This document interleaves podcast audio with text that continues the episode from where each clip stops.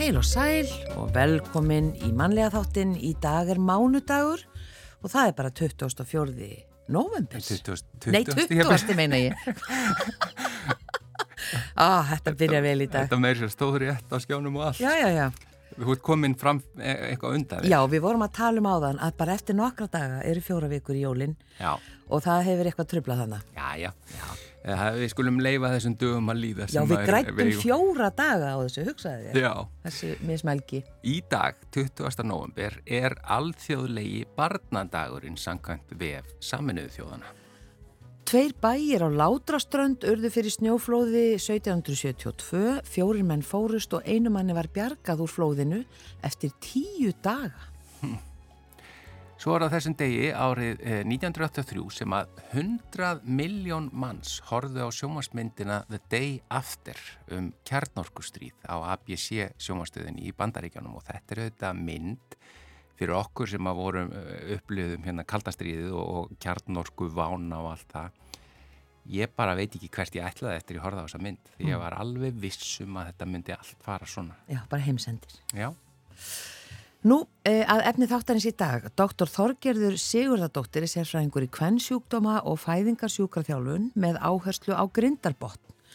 Uh, hún lauk doktorsnámi árið 2020 þar sem rannsóknarefni hennar sneri að heilsu kvenna og áhrifum fæðingar á grindarbotn og uh, skoðaði í því samhengi hvernig sjúkraþjálfun og fræðsla geta bætt heilsu og lífsgæði og við ætlum að ræða við hana hér á eftir.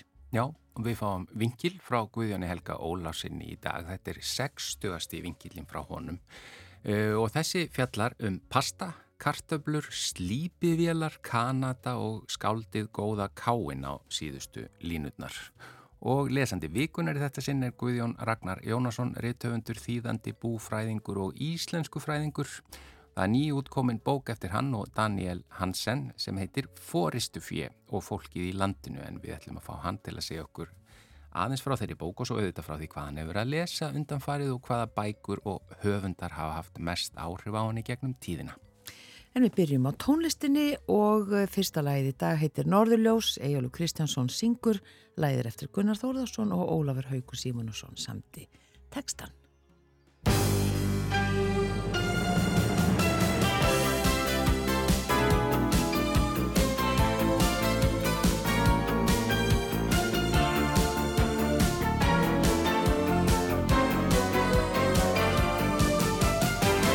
Ég finn að eitthvað hefur færst úr stað.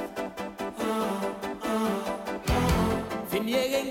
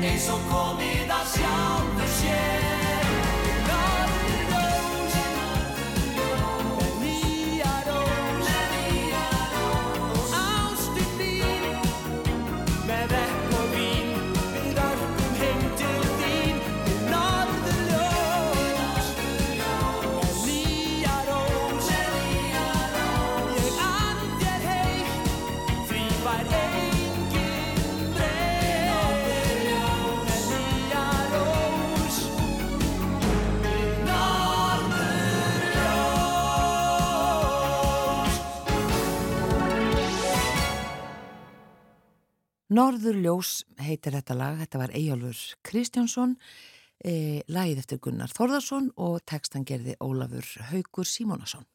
Já, doktor Þorgerður Sigurðardóttir er sérfræðingur í kvenn sjúkdóma og fæðingarsjúkraþjálfun með áherslu á grindarbotn.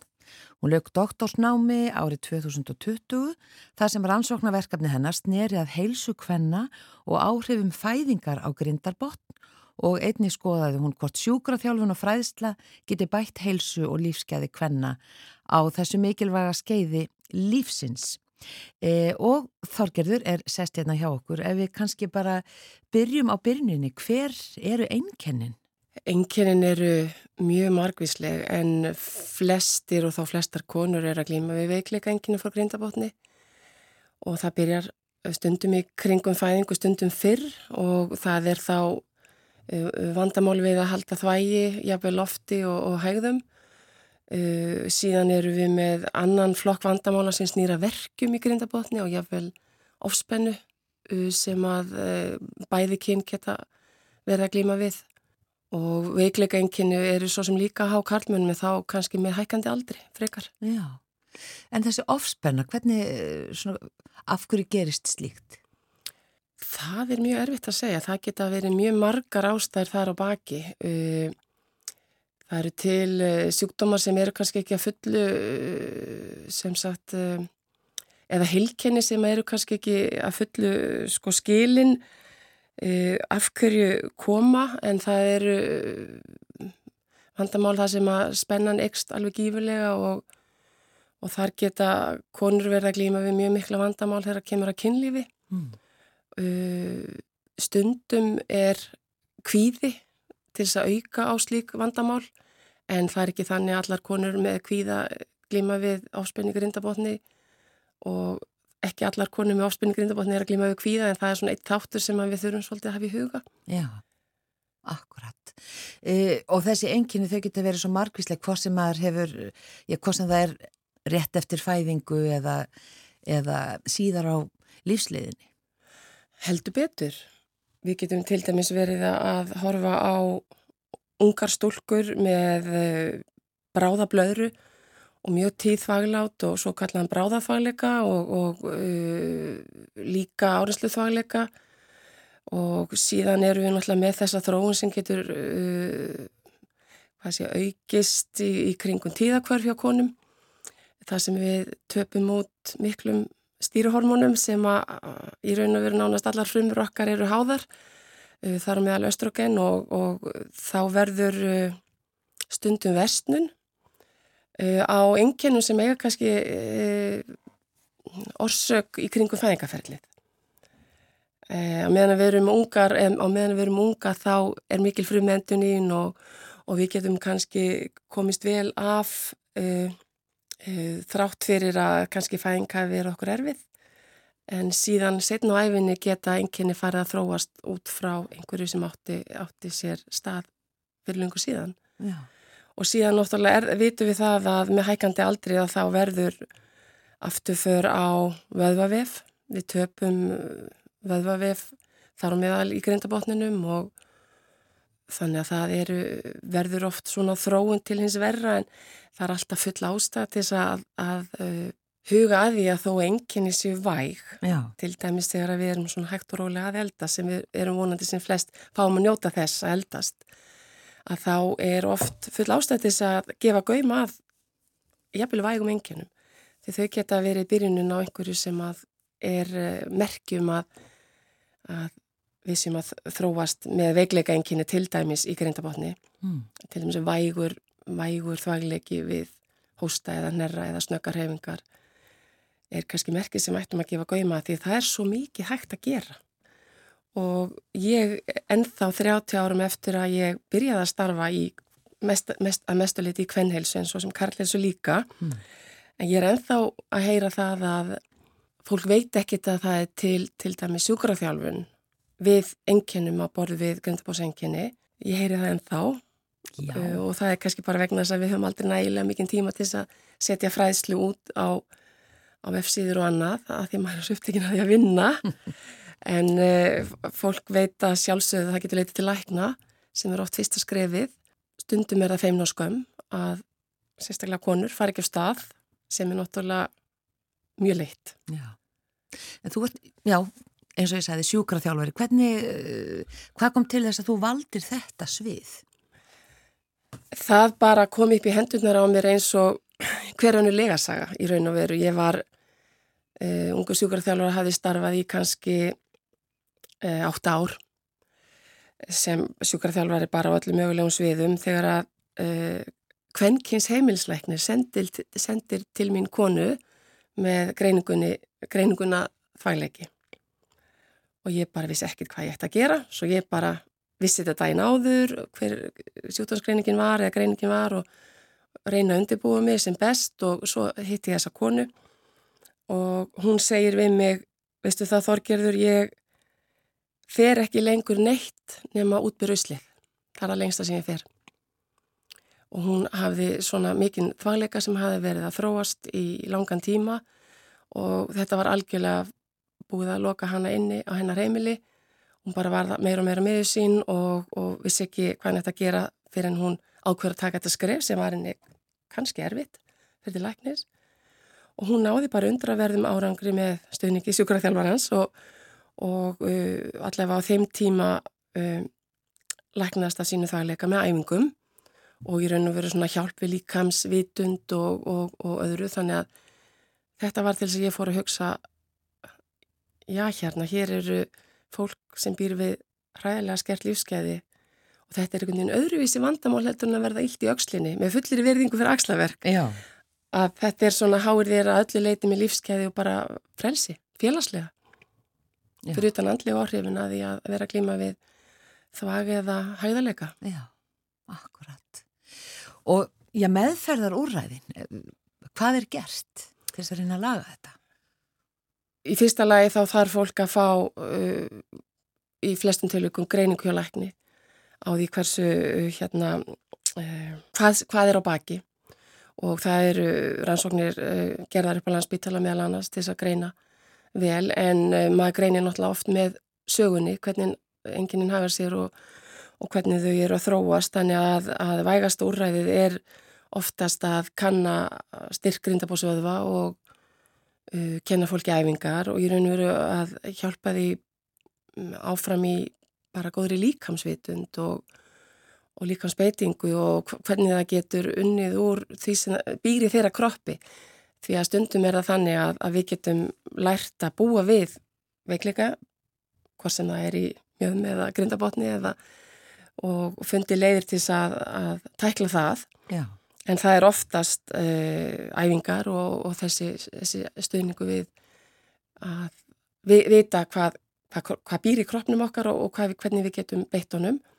Og við höfum uh, bara hæstu tegund af, af sagt, þegar við um, uh, greinum styrk vísindaransókna að áhrif grindabósæfinga á þvægleika til dæmis er í, er í hæsta styrkleika á hvernig við flokkum niðurstöður ansókna. Já. Þannig við höfum mjög góðar sannanir ef ég reyna að vera skilnalegri fyrir því að grindabósæfingar virka í, í mjög miklu meir hluta tilfella. Já. Eh, það er líka að tala hér um eh, á síðunniðinni toppasig.com það er nú, ég hægt að finna uh, góðar upplýsingar en þá er ja, set og kvíldastöður, það hefur bara áhrif á svona, hvernig maður beiti líkamann. Algjörlega, algjörlega. Þú, maður þarf náttúrulega líka að kvíla sig og, og það er kannski eitt af því sem að, að tengis líka ofspennunni að, að, að vera hættur að geta slakað á. Þannig að það er mjög mikilvægt fyrir heilbriða vöðva að fá bæði, fá bæði vinnu álag og slökunar álag. Þannig að við þurfum að hlúa að okkur líka og sleppa takinu á, á vöðvakerfi og þá sérstaklega fólk sem er að glýma við mjög mikla spennu. Uh, síðan e, getur við svolítið lært aftur að, að beita okkur rétt því að framan af æfi er grindabotnin oft mjög sjálfvirkur og til dæmis þegar við hústum á nerrum að þá, þá kemur oft, uh, eins og ég segi, framan af æfi þegar við erum yngri, þá kemur oft ósjálfráðu samdráttur grindabótsveðva til dæmis ef við liftum einhverju upp og þegar við erum að, að fá þennan aukna hverhólstrýsting til dæmis við hóst og nerra að þá er þetta viðbarað oft innbyggt í okkur að grindabotnin spennist og, lokar þagrásinni þannig að, að grindabotnin heldur. Eh, stundum þetta viðbarað í kringum hækandi aldur eða eftir fæðingar en við getum svolítið lært að, að, þróa þetta viðbrað með okkur aftur mm. og þá erum maður að kenna fólki að beita sér e, síðan verður það stundum ósjálfátt aftur já. það er verið að kenna líka um eitthvað sem mann hafði áður fyrir Já, og, já hafði og misti og jáfnvel misti, já. já. já.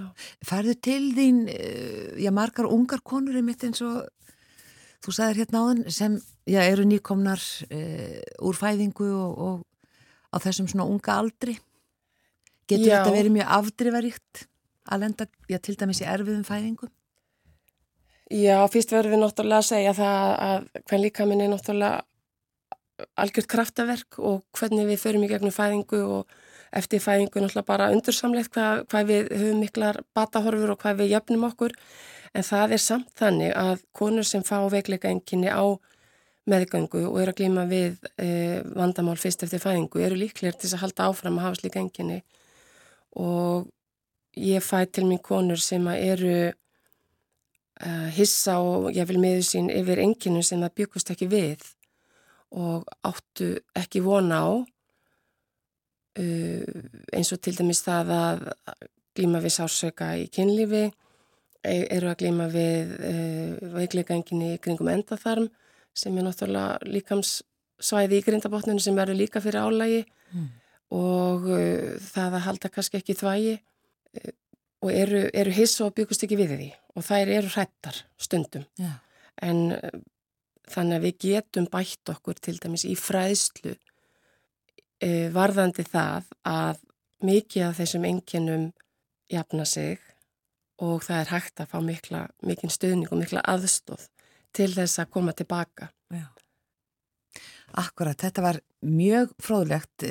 Kæra þakkir fyrir komuna í manlega þáttinn Þorgerður Siguradóttir, sérfræðingur í hvern sjúkdóma og fæðingar sjúkraþjálfun með áherslu á grindarbót og svona bara svo því sem haldið til haga þá ertu líka með að upplýsinga síðunniðinni e, svona, já hvað ég segja, fræðslu fyrir karlmenna því að þeir geta líka fengið hjálp.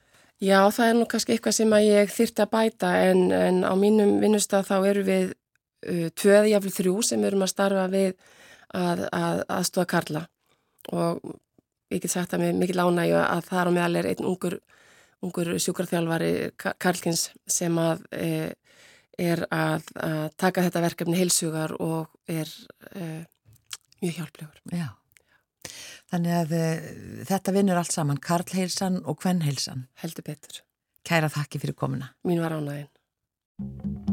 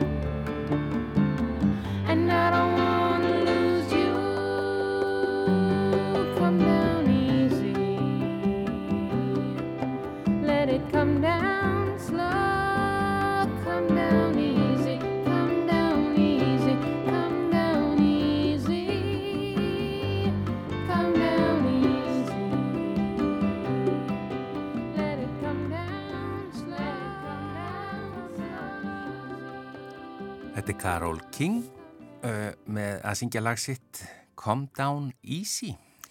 Og þá fáum við vingil frá Guðjóni Helga Ólafsinni og þetta er 60. vingilinn sem við fáum frá honum. Ágætu hlustendur. Sumir eru með þeim ósköpum að láta sér leiðast öðru hverju. Ganga jafnvel svo langt að lýsa því yfir með vannþóknun að þeim hundleiðist. Mannesku sem hundleiðist getur ekki liðið vel því hljóðin sem hundar gefa frá sér þegar þeim leiðist eru átakanleg. Þeir væla og veina, nutta í mann tríninu og snúast í hringi á góldúknum allt til að gera viðstöttum það ljóst að þeim leiðist. Hund leiðist. Vilja fara út og hlaupa svo lítið og vesinast, grafa kannski upp gamalt bein, fara í eldingaleik, stela gærunni úr traktorsæti nágrannans eða eitthvað annað sem gleður geðið hunda, þó að mannfólk hafi alls ekki smekk fyrir slíku.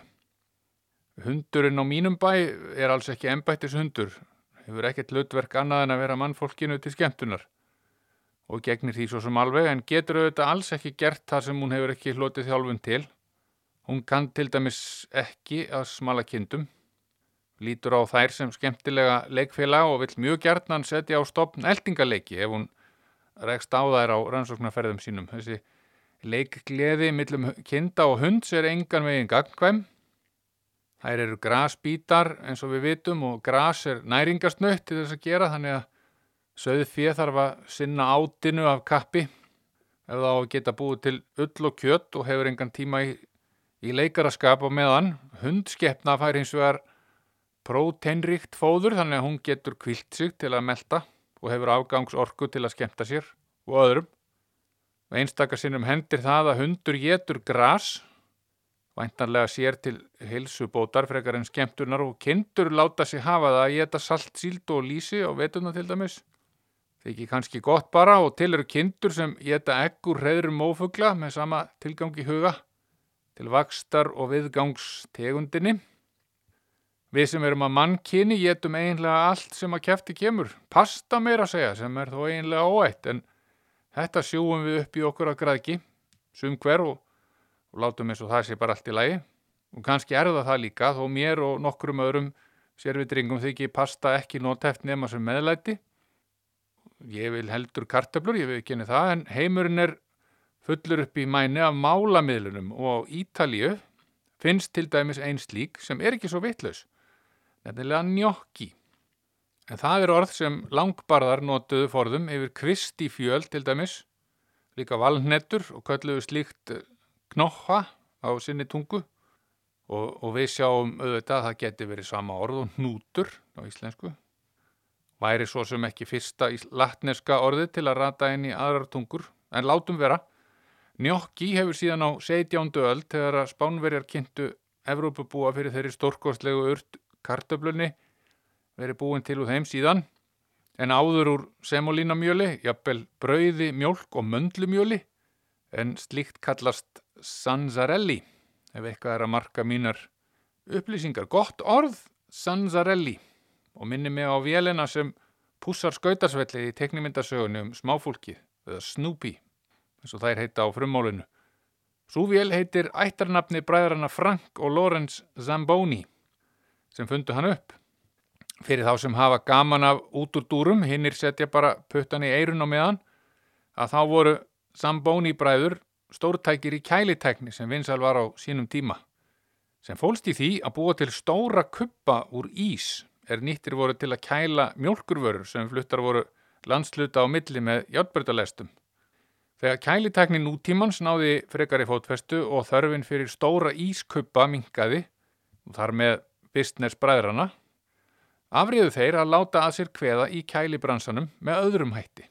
Og tækifærið byrtist þeim í vinsættum skautaíþróttarinnar.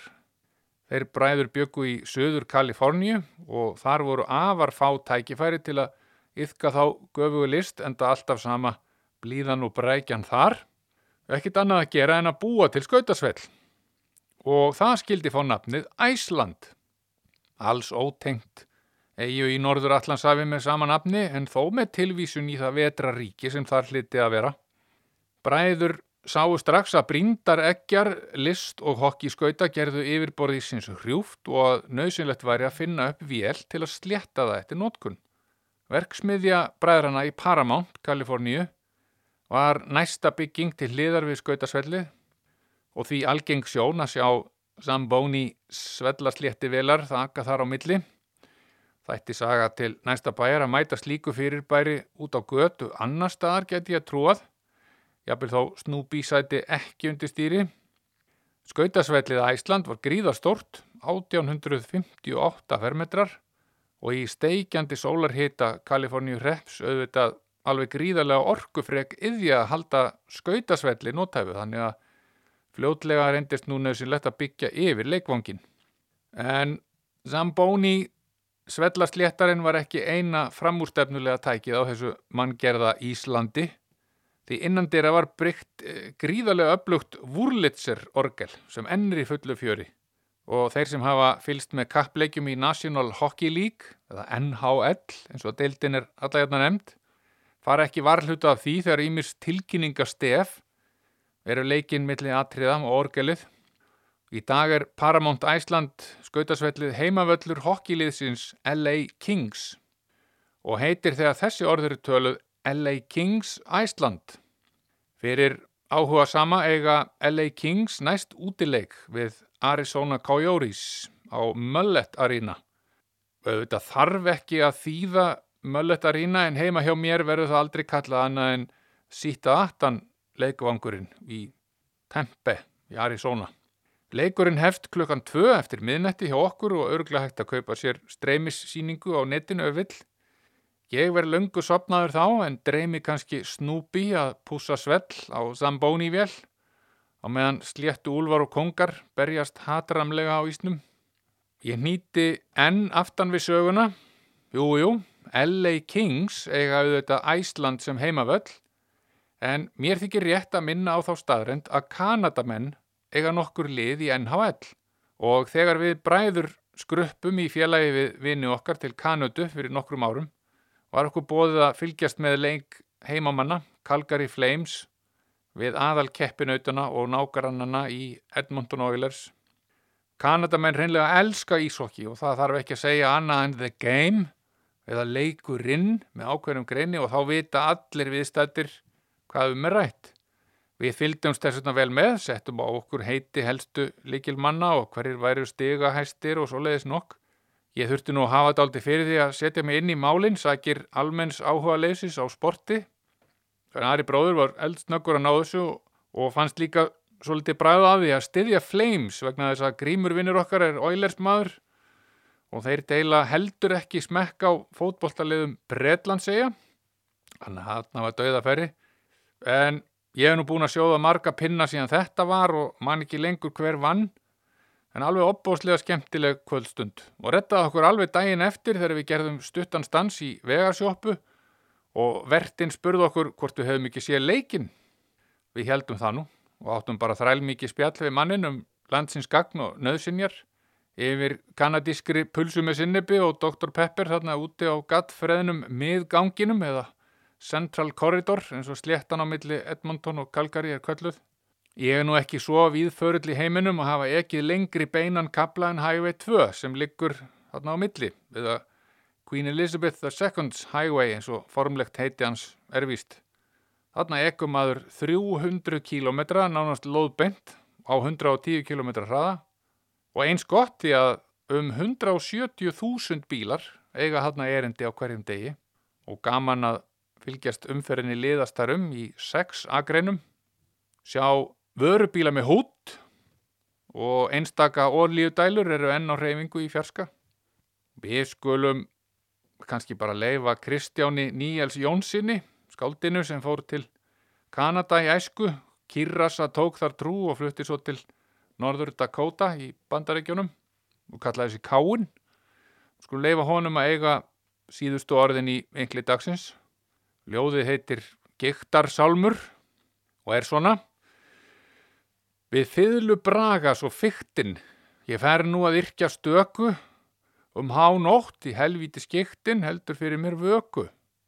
Farin er fótur að styrna, furða mig getur það eigi, bísna oft búin að spyrna við brottum á lífsins vegi.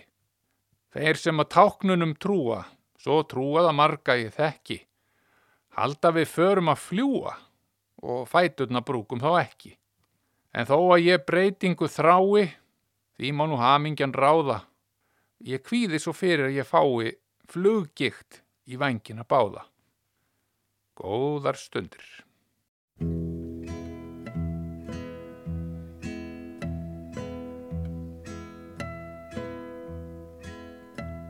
Veronica, Veronica Var är din blåa hatt? Din älskling letar efter den Alltid den mörka natt Din älskling är försvunnen Han kommer ej igen När det dagas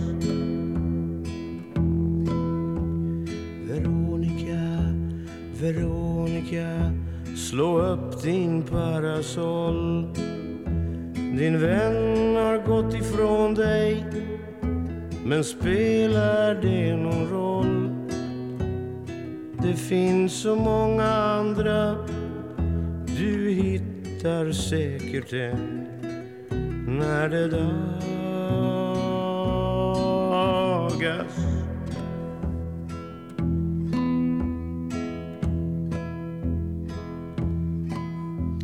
Veronica, Veronica Ditt ena strumpeband Har stulits utav någon Som saknar dig ibland. På natten är han borta Men minns du honom än? När det dagas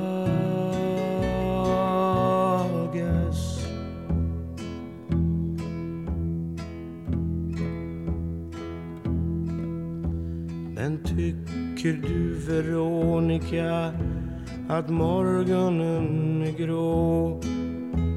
Och ångrar att du någonsin lät honom gå? Spring bort till telefonen och ring till din vän när det dagas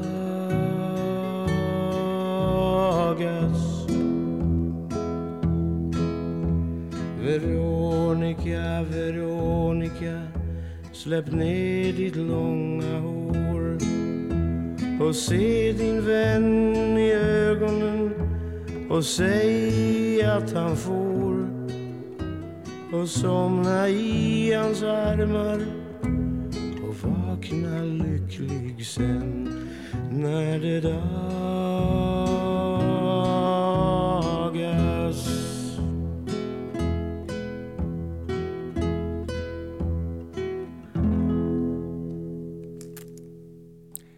Þetta er Cornelis Vreesvík að syngja lag sitt sem heitir Veronica. En hingaði komin Guðjón, Guðjón Ragnar Jónasson, rittöfundur, þýðandi og íslensku fræðingur og hann er lesandi vikunir í þetta sinn. Takk fyrir að taka það að þér og velkomin. Takk fyrir. Eh, byrjum aðeins bara á því að það er að koma út, eða er nýkomin út, eða ekki bó, bókin eh, Fóristu fjö og fólkið í landinu sem þú skrifar á samt Daniel Hansen, ekki satt? Jó, það var svona áhuga mál mitt og ég ferða svona sveitir og segja sögur af mannlífi og fólki í landinu, Já, tengist fórustu fjönu. Ég er svona svolítið á svæði hins þjóðlega fróðulegs, það er svona þjóðlegi fróðuleikurinn á starf, ríkan þátt í mér alltaf. Já, og mér finnst svolítið, ég, og sveitin er náttúrulega sterk í sálu minni, þó ég sé alveg upp í breiðholtinu, þá var ég sveit, svona síðasta kynslan sem var í sveit og átti heim í sveit og tengdist búskap í smá tíma. Hvar var það? Ég, það var í pljósliðinni og svo var það á rangavöldum býr mitt fólk, Mm. afskaplega gott fólk og ég er alltaf í huga mínum að skrifa fyrir frændum mínu, frændum mína gömlu í næfurholti Já, sem eru látnir sem ég þekkti og, og ég á góða ræskuminningar og er svona í huganum svolítið að segja sögur á söðfi og mannlífi og eitthvað sem þeir geta haft sitt þá alltaf, þeir kom upp í huga minn og, og já, og reyna svona að dvelja svolítið í ríki fegurðarinnar, það er það sem skiptir máli. E, e, kom, stóð einhvern tíman til að, að verða bóndi? Já, já, það stóð nú til en ég er óttalugur, ég er betri blegbóndi og kennari, ég held að svona búskapurinn, ég er ekki góður með skipturlíkilin eða, eða, eða hérna vélar og annað slíkt en, en það var svona kannski svona þessi, ég las svo mikið af batnabókum sem ungur drengur um að hérna, svona börn sem höfðu verið sendt í sveit, eh, sérstaklega stráka og þeir eru það betri mönnum. Já, og ég trúði því ég erði betri maður og ég held ég hafi bara orðið betri maður og af því að vera og ég svona sá svona glugga inn í gamla tíman og það er svolítið mikilvægt að fá að fengið þetta tækifæri til að kynnast svona svolítið hornum heimi sem sumpart er ekki horfin, hann er ennþá kannski. Já, já. en, en þannig að ég verðum svolítið að segja sögur, ég fó, við fórum bara um Víðurlandi og Daniel og tókum viðtöl og þetta er bara svona ánægilegur jólalestur En, en og fórustu fyrir, það er nú áhugavert. Já, ég, ég átti aldrei fórustu fyrir, en mér finnst þetta bara áhugavert og fólk hefur svona sagan að fjallabensa og aðvendu heitlaði mig náttúrulega alltaf. Mm Ég kenni hann alltaf á hverju ári, eða kendi réttar að sagt. Já, Og það var svona kannski upphafið að þessu og, og ég kenni hana fyrir nefndum, ég þurfti að kenna hann í metaskólan í Reykjavík sem ég kent og svolítið erfitt að miðla þá svona ég svona áhuga fórustu fyrir í tengslu með Daniel var þetta útkoman að við gerðum þetta en ég er svo sem allir ekki að vera ég er svona allir fara kannski aðra slúður heldur en sveitina því að ég hef líka verið að skrifa mikið í samtengst með hins egin bókmyndir, ég hef verið að skrifa mikið um samtíman hér í Reykjavík og, og mér langar svolítið að skrifa kannski um breiðholt bernsku minnar því að það er náttúrulega svona ríkan þátt í sjálfum ríkan þátt að mér, ríkur þáttur af mér er þessi, er það sem ég fættist og já.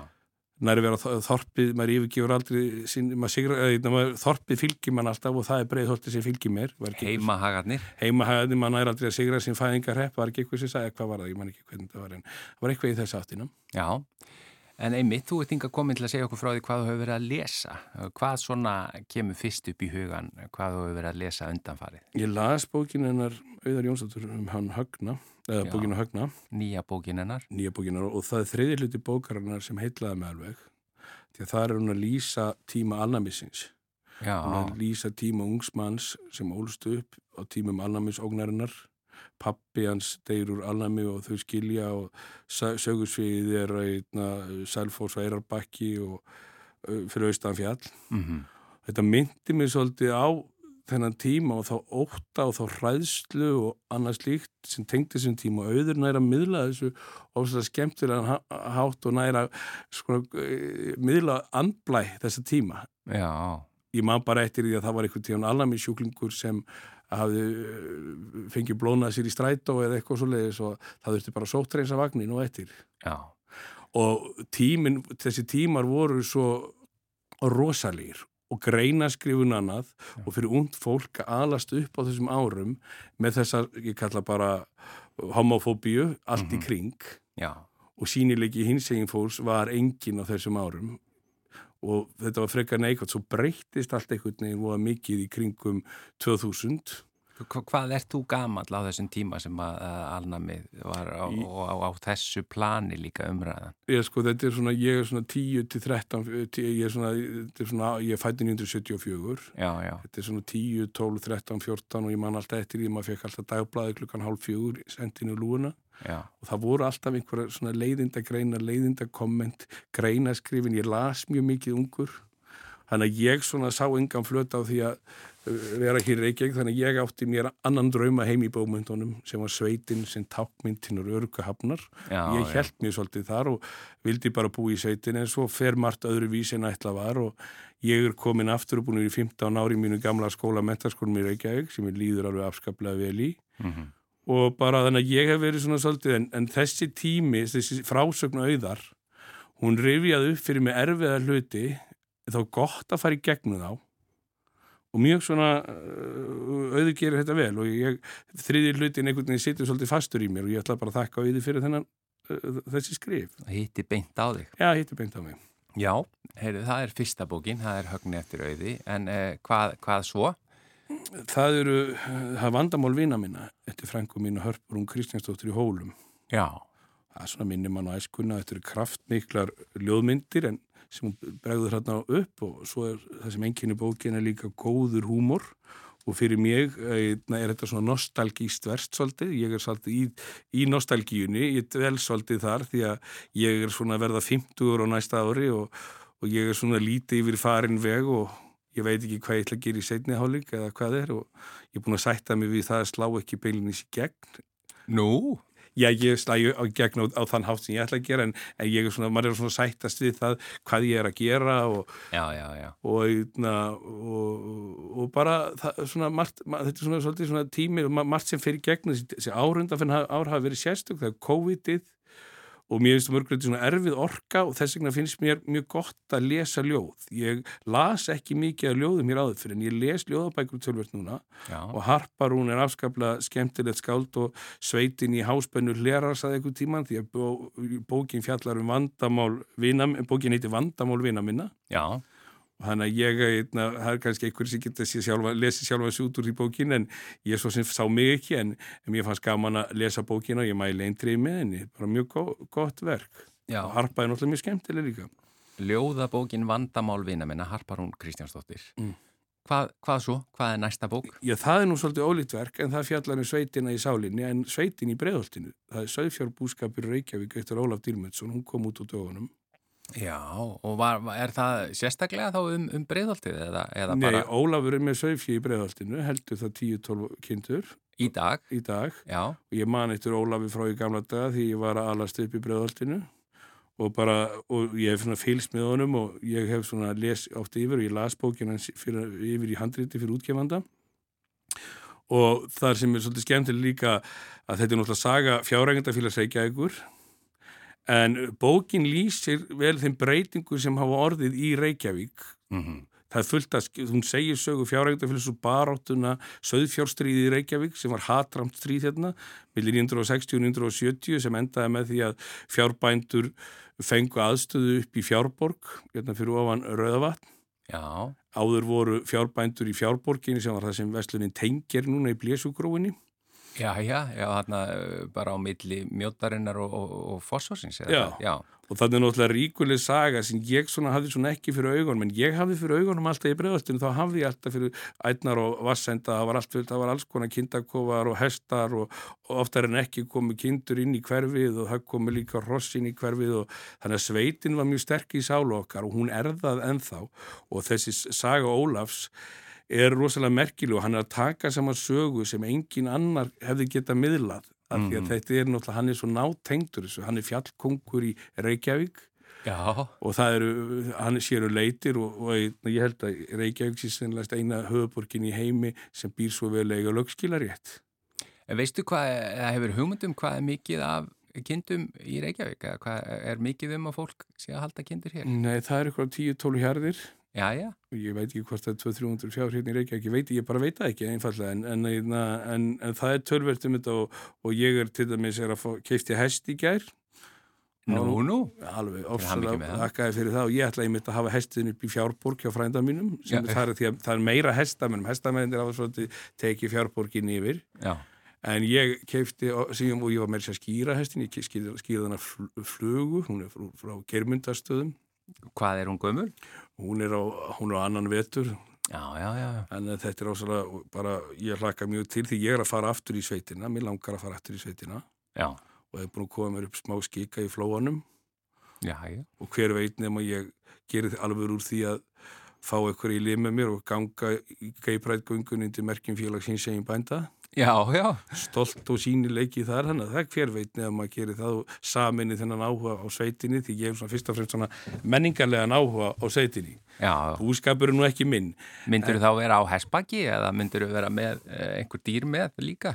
Ég, ef ég færi, ef, ég- nei, ég held að við færi nú ekki að hafa, kannski myndum við einhverja, nei, ég, ég myndum nú ekki gera það, við förum ekki að taka hest í gönguna, hann geti fælst. Já, já, En, en þetta er, en ég held að sko, stolt og sýnilegi hins eginn fólks er mjög mikilvægt um all land og, og ég er svona, hef haft áhuga, þetta hefur verið að þýða hins eginn bókmyndir og menninni með bleika þrýetningin, ég hef rætt það hérna oftar en Já, ekki. Og, komst til okkar. Ég kom til ykkur að rættu það og þetta er svona, það er Þetta, þó ég hef búið nú aðal í 101 og, og kannski er ég, þetta er allt bara 101 maður sko, en, en ég ætla samt að hafa, hafa afdreip í sveitinu og vera þar tölvert meira. Já, en ef þú mátt, eh, segja, ef þú ferð eins langt aftur í tíman og þú vilt, hvaða svona bækur og eða höfundar komu upp sem hafa svona virkilega haft áhrif á því gegnum tíðina? Það eru nú ímsir sko, ég las alla bækurnar til Ármann Káur Einarsson, Já, Ég las alla bækurnar eftir Indrið Úlsson, ég var svolítið á þessari línu.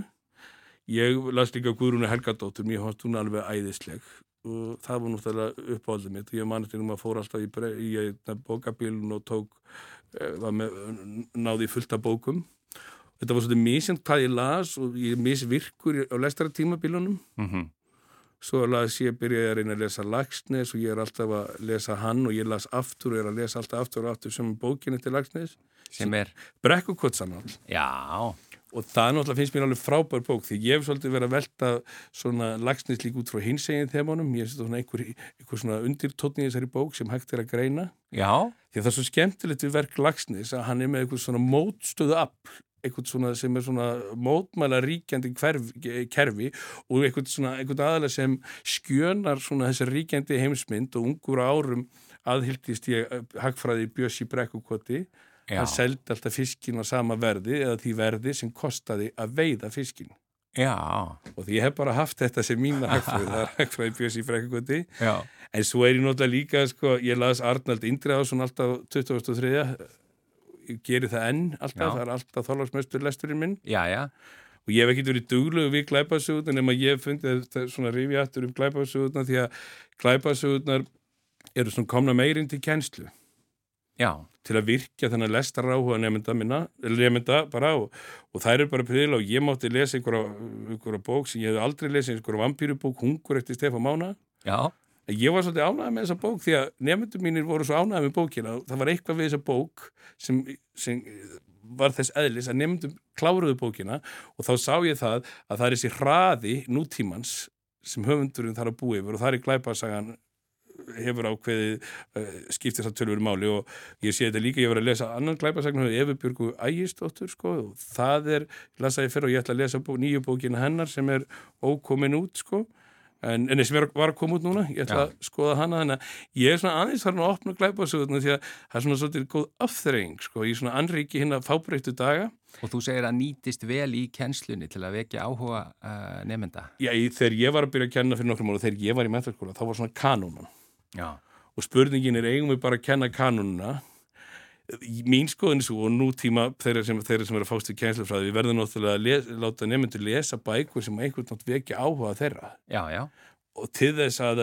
nefndur fái áhuga á lestrinum og sjáu tilgangi að lesa Já. og þess vegna er svolítið mikilvægt að það er bækur sem eru valdar sé ekki bækurnar sem ég hef endilega áhuga að lesa heldur það sem nefndurnir hafa áhuga að lesa því að þeir nefndurnir verða að fá að kynna skaldri galdrinum að þeim mikla galdri sem fælst í að lesa en, en þannig að ég svona þannig að þetta snýst ekki um mig, þetta snýst frekar í nefndur því að við erum náttúrulega að reyna að auka áhuga nefnda á lestri, Já, að því að lesturinn er náttúrulega, ég segi oft í nefndum mína og bara aðra, ég vasa mínir, ég hef, þarf ekki svo mikið fyrir því að það er svo ódýrt að lesa.